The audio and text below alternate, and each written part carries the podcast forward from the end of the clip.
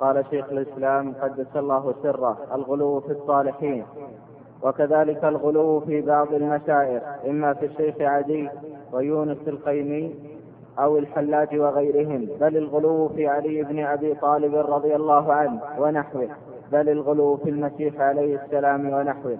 فكل من غلا في حي أو في رجل صالح مثل علي رضي الله عنه أو عدي أو نحوه أو في من يعتقد فيه الصلاح كالحلاج أو الحاكم الذي كان بمصر. الحاكم الذي كان بمصر يقصد الحاكم العبيدي لأن العبيديين الذين بنوا القاهرة في مصر أسسوا كثيرا من الأحوال في مصر المعمارية والمدنية.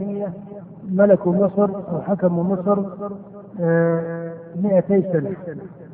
وهم على مذهب الباطنية يعني هؤلاء ثم انتهى أمرهم بمجيء صلاح الدين رحمه الله وتحولت الأحوال وتغيرت الأمور إلى ما هو معروف بعد ذلك الإشارة هنا الذي نقصد الوقوف معها يسيرا أن الذي يغلى ويتعصب له من الشيوخ قد يكون هذا الشيخ في نفس الأمر أو في أو تكون حاله المعروفة والمستفيضة أنه من الأولياء والصالحين وأهل الاقتداء. وقد يكون وهذا هو الإشكال الأكثر. أن يكون المقتدى به يظن فيه كثير من الولاية والصلاح وهو عنده انحراف عن السنة وأصول السنة والجماعة. ولذلك قال من يظن أو يعتقد فيه الصلاح كالحلاج. فإن الحلاج كان رجلا مائلا إلى التصوف الفلسفي وله كلام في وحدة الوجود ونقلت عنه أمور كثيرة وكتب على وجه من الانحراف في الديانة في زمن صلاح الدين كما هو معروف. فلم يكن رجلا محمود الحال لكن كثيرا من العامة افتتنوا به. وسبق أن أشرت إلى أن المفتتنين من العامة ببعض الخاصة المنحرفين عن أصول السنة وأصول الإسلام العامة لا يجوز أن يحكم على المفتتن بهذا المعين بالحكم الذي يحكم به على ذلك المعين لأن هذا ظن فيه خيرا. وكما قلت لو خاصة في باب التصوف الخفاء فيه كثير لأن السر فيه كثير. الخفاء فيه كثير لأن السر فيه كثير. واللغة فيه لغة تقوم على الرمز. وكما سبق أن أشرت لكم أن ابن تيمية رحمه الله مع أن ابتداءه كان ابتداء لم يبتدع على مذهب بدعي بل كان على السنة وطريقة شيوخ المذهب من آبائه وأجداده إلا أنه كان يقول إني كنت وبعض الإخوة نقرأ في الفتوحات المكية لابن عربي مع أنك إذا قرأت في آخر كلام ابن تيمية وجدت ماذا يقول في ابن عربي. فأحيانا بعض الكلام لبعض هؤلاء يكون مقبولا وبعضه يكون مجملا وبعضه قد لا يصل إليه العامة فلا يلزم أن العوام يعطون حكم الخواص باضطراد بل نظرية الإتباع والقياس هذه إنما تقال في الأمور الكلية. كالقول إن الانتساب لهذا الرجل بدعة مثلا الاختصاص به بدعة. أما الحكم التفصيلي فإن كل معين يعطى حكما تفصيليا بحسب ما حلم من حاله المعين بحسب ما علم من حاله المعين أما يقال أتباع فلان كلهم على مذهب فلان وعلى حكم فلان فهذا ليس بلازم. هذا ليس بلازم. نعم. أو يونس القني ونحوهم وجعل فيه نوعا من الإلهيات مثل أن يقول كل رزق لا يرزقنيه هذه مسائل الربوبية. أنا أنبه الإخوة فيها. أنه يقال كثيرا في كلام بعض أهل العلم أن الرسل بعثوا بتوحيد الألوهية. وتوحيد الألوهية حقيقته يتضمن القول في الربوبية. فلا فمن لم يعبد الله سبحانه الخالق الرازق ما حقق لا توحيد الألوهية ولا توحيد الربوبية. المقصود هنا أن فقه توحيد الربوبية مهم. وهذا لا يعني التقصير في العناية بتوحيد الألوهية لكن إنما كان مهما لأنه هو معرفة الله سبحانه وتعالى وهو أصل الدين الذي هو التوحيد والتوحيد واحد. التوحيد هو معرفة الله وإفراده بالعبادة. إنما قال أهل العلم التوحيد ينقسم هذا من باب الترتيب العلمي. أن التوحيد ينقسم إلى ثلاثة أقسام وهو التوحيد في المعرفة والإثبات والطلب والإرادة والقصد. هذا ترتيب علمي. لكن التوحيد حقيقته الشرعية معرفة الله كما يقول ابن تيمية يقول التوحيد معرفة الله وعبادته أي إفراده بالعبادة. فقضايا توحيد الربوبية تخفى على كثير من العوام. ولذلك وجدت مصطلحات كمصطلح الولي هذا مصطلح شرعي لكن لما توجد مصطلحات ما هي منصوصة مثل العارف. هذا مصطلح ما هو منصوص شرعا لكنه شأنه مقارب الحال. ما ينم عن معنى بعيد مخالف للشرع. إنما العارف من المعرفة والمعرفة أي المعرفة بالشريعة والحقائق الشرعية هذا مقبول. وهو مصطلح فيه سعة إذا اقتصد في تفسير. لكن ظهرت مصطلحات في بعض جيوب السلوك وتجمعات السلوك كمصطلح القطر والغوث فهذه المصطلحات يجب أن يبتعد عنها الخاصة والعامة من المسلمين السالكين. ولذلك إدخال مسائل التأثيرات الكونية لبعض الشيوخ أو اعطائهم بعض هذه الخصائص هذا من أوجه الانحراف عن توحيد الربوبية. نعم. مثل أن يقول كل رزق لا يرزقنيه الشيخ فلان ما أريده أو يقول إذا ذبح شاة باسم سيدي أو يعبده بالسجود له أو لغيره. نعم أو يقول فصل 401 401 أتمامعة الفتاوى؟ على كل حال قال فصل ومن ذلك الاقتصاد بالسنة. التعصب أيها الإخوة لماذا أشرنا إلى هذا الفصل؟ وقال فصل ومن ذلك الغلو. ثم قال هنا فصل ومن ذلك الاقتصاد بالسنة. ما يلزم الآن البحث عن الورقة؟ هذا القدر الذي يقدر قراءته. يقول ومن ذلك الاقتصاد بالسنة واتباعها ما الرابط بين مسألة الغلو والاقتصاد بالسنة؟ ليدلك المصنف على أن دفع التعصب ودفع الغلو لا يجوز أن يكون بماذا؟ بغلو المقابل وهذا هو الذي ترى يفوت على كثير من العامة الاتباع للسنة ويجعلهم يتعصبون أكثر لما هم عليه من الخطأ. يعني أحيانا بعض العوام من المسلمين ظل على هذا الوقت فأول ما جاءه من يتكلم باسم السنة والدعوة للدليل تفاجأ بطبيعة عنده خاصة إما ضيق في الخلق أو شدة في التعامل أو غلظ في الإنكار أو مبالغة في التخطئة أو أحيانا تصل الأمور إلى تكثير فيما لم لا يصل الأمر فيه إلى ذلك أو ما إلى ذلك مع أن هذا القائد جاء باسم الدليل والسنة. هذا يزيد الأمر تعصبا وإغلاقا. ولذلك لا بد لدفع الغلو والتعصب الموجود والشائع عند كثير من عوام المسلمين اليوم لهذه الأوجه المحدثة بالإسلام. لا بد أن يكون ذلك وهذا هو مناسبة هذا الفصل أن يكون اقتصادا في السنة واتباعها والدعوة إليها. وهذا هو مناسبة هذا الفصل. إذا قيل هذا بما يدفع هذا التعصب قيل يدفع بماذا؟ بالاقتصاد في السنة.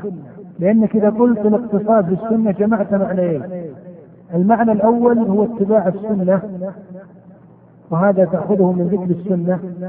والمعنى الثاني هو الفقه والاعتدال وهذا تأخذه من كلمة الاقتصاد. ولذلك من يريد أن يصحح هذا الغلو في مذهب آخر ليس على السنة فهذا لا يفيد.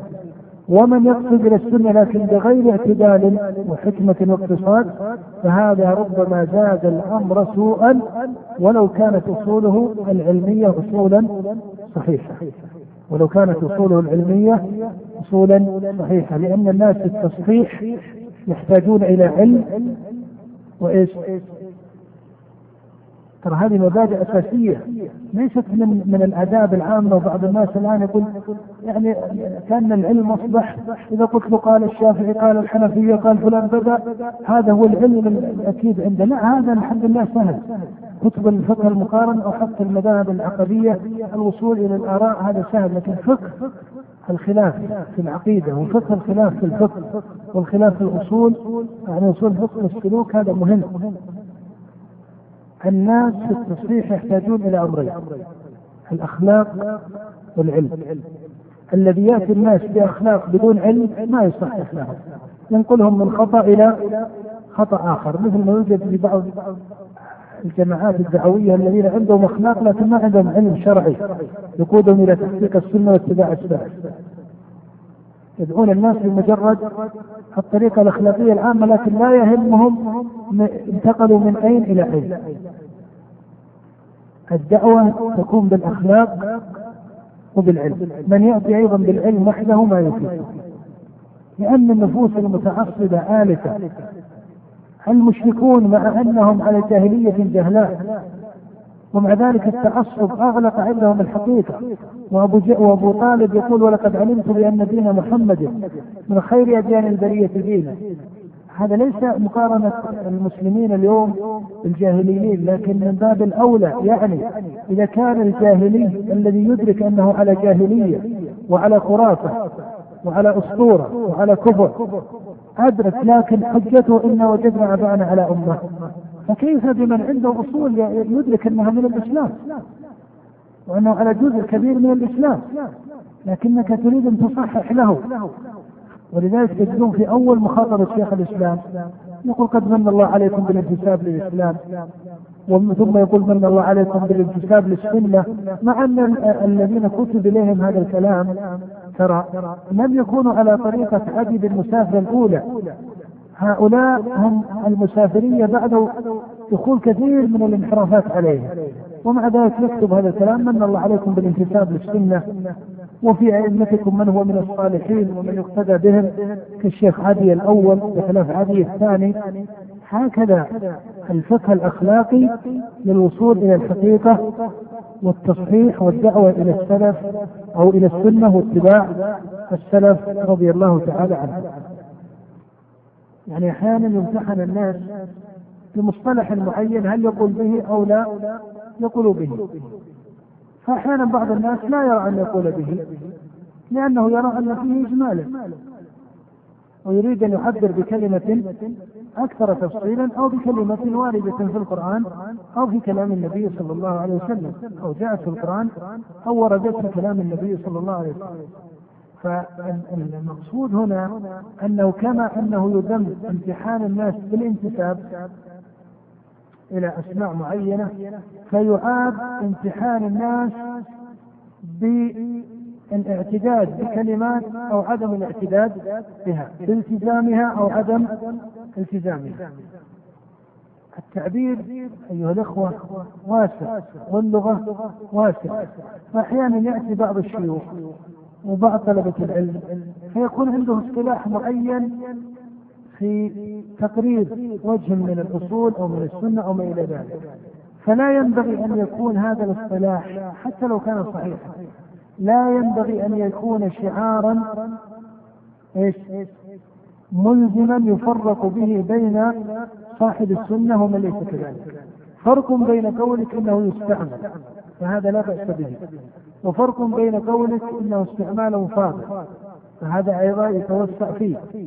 وفرق بين قولك إنه آه، من ترك ما يتضمنه هذا المعنى فإنه ينكر عليه.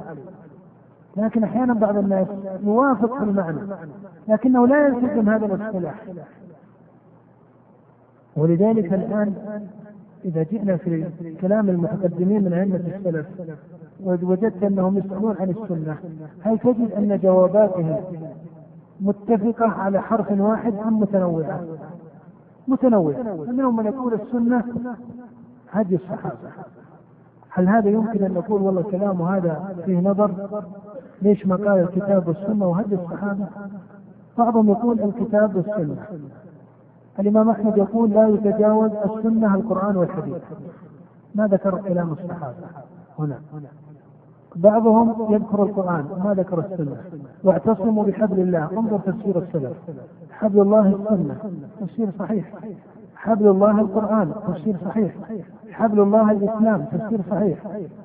لما يكون الذين يستعملون هذه الكلمات يتواردون على مقصود واحد ومعنى واحد فهذا مما يوسع فيه. متى يكون الأمر مشكلا؟ ولا يقر صاحبه. حينما يقول القرآن ويقف لأنه لا يسلم بحجية السنة.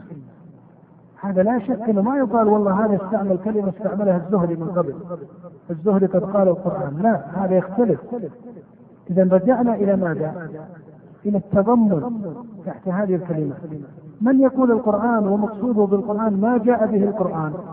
ومما جاء به القرآن اتباع النبي ومما جاء به القرآن اتباع سبيل السابقين الأولين. فهذه كلمة جامعة. ومن قال السنة فهو لا يقصد منافاة القرآن أو ترك الاستدلال بالقرآن. ولذلك تجدون أن الأئمة المتقدمين عبروا بهذه التعبيرات المتعددة. وعليه فوضع كلمات معينة كشعار ملزم هي المعبر ككلمات عن منهج أهل السنة فقط هذا ليس بحكيم. بل كل استعمال استعمله السلف فإنه يسوء استعماله من الكلمات كالكتاب والسنة والإجماع التمسك بالسنة التمسك بالأثر التمسك بالقرآن وهلم أما من يكون عنده لحن قول كما يمكن أن يقال ويقصد بذلك حينما يذكر القرآن ترك حجية السنة ولما يقول السنة ولا يقول هدي الصحابة لأنه يشير إلى عدم الاعتداد بهدي الصحابة وفقههم هذا باب إيش؟ آخر أما داخل منهج أهل السنة الآن ففرق بين القيود البيانية والقيود الشرعية اللازمة ولذلك مثلا سهل بن عبد الله التستري لما قيل له ما الإيمان؟ قال الإيمان قول وعمل ونية واتباع للسنة. فقيل له في ذلك فقال إذا لم يكن على السنة أي القول أو العمل أو النية قال إذا لم يكن على السنة فهو بدعة. صدق هنا أو ما صدق؟ صدق. لكن كلمة الاتباع للسنة هل هي يلزم كل إمام؟ قال الإيمان قول وعمل. ونية يلزمه أن يقول اتباع للسنة الجواب؟ لا. لأن من يقول الإيمان قول وعمل. هل يقصد الأقوال البدعية؟ من منطق. ما دام من المتكلم إمام من أهل السنة والجماعة ويتكلم عن الإيمان في الكتاب والسنة وما واضح من السياق. وإن صح التعبير على أقل تقدير اجعل هذا من باب وحذف ما يعلم. جائز. يعني إذا ضاقت بك الأمور فدع واجعل هذا من باب حذف المعلوم وهو لسان معروف عند العرب. بل هو معروف حتى في القرآن وهدي النبي صلى الله عليه وسلم وكلام الرسول وأصحابه. فكلمة سهل بن عبد الله أحيانا بعض أهل العلم يرى تقصيرا في السنة فيستدعيه إلى بعض القيود. نقول هذا فقه. فإذا استدعى المقام أن يذكر هذا القيد فليذكر. إذا استدعى المقام أنه لا يلزم ذكره لا يلزم ذكره. من لم يذكره وهو من أصحاب السنة لا. يعني الذي أقصده باختصار أن امتحان الناس بالأسماء كما يقول ابن تيمية لا أصل له فكذلك امتحانهم بكلمات اختصت بفقيه أو عالم امتحانهم بهذه الكلمات لا أصل له. بل الناس يمتحنون بماذا؟ بكلمات القرآن والسنة وما توارد عليه الإجماع. إلا إذا عرف أنه ينافي كلمة ما هذا كما أسلفت باب آخر. أما الذي قد يعرض أحيانا لبعض طلاب العلم أنه يكون له طريقة معينة وكلمات معينة يريد أن يجعلها شعارا ملزما فقد تقبل في بيئة ولا تقبل في بيئة أخرى. ومن هنا ذكرت من أنواع الفقه فقه كلمات الكتاب والسنة والرد إلى الله والرسول عليه الصلاة والسلام. من الأسماء أو من الأمور التي ختم بها الإمام ابن تيمية هذه الرسالة مسألة أنواع من الغلو التي طرأت على كثير من أهل السلوك. وكما أشرت إلى أن هذا يتمثل إما في باب المعرفة والتصديقات أو في باب توحيد الألوهية. وهذه هي الفتنة التي يغلظ على من يدعو إليها. وهي فتنة العامة بما يخالف أصول التوحيد في ربوبية الله سبحانه وتعالى وألوهيته وعبوديته. وذكر الفتن التي تقع عند القبور وما يلتحق بذلك فهذا أيضا له أمثلة يمكن للإخوة أن يقرأوها في عرض كلامه.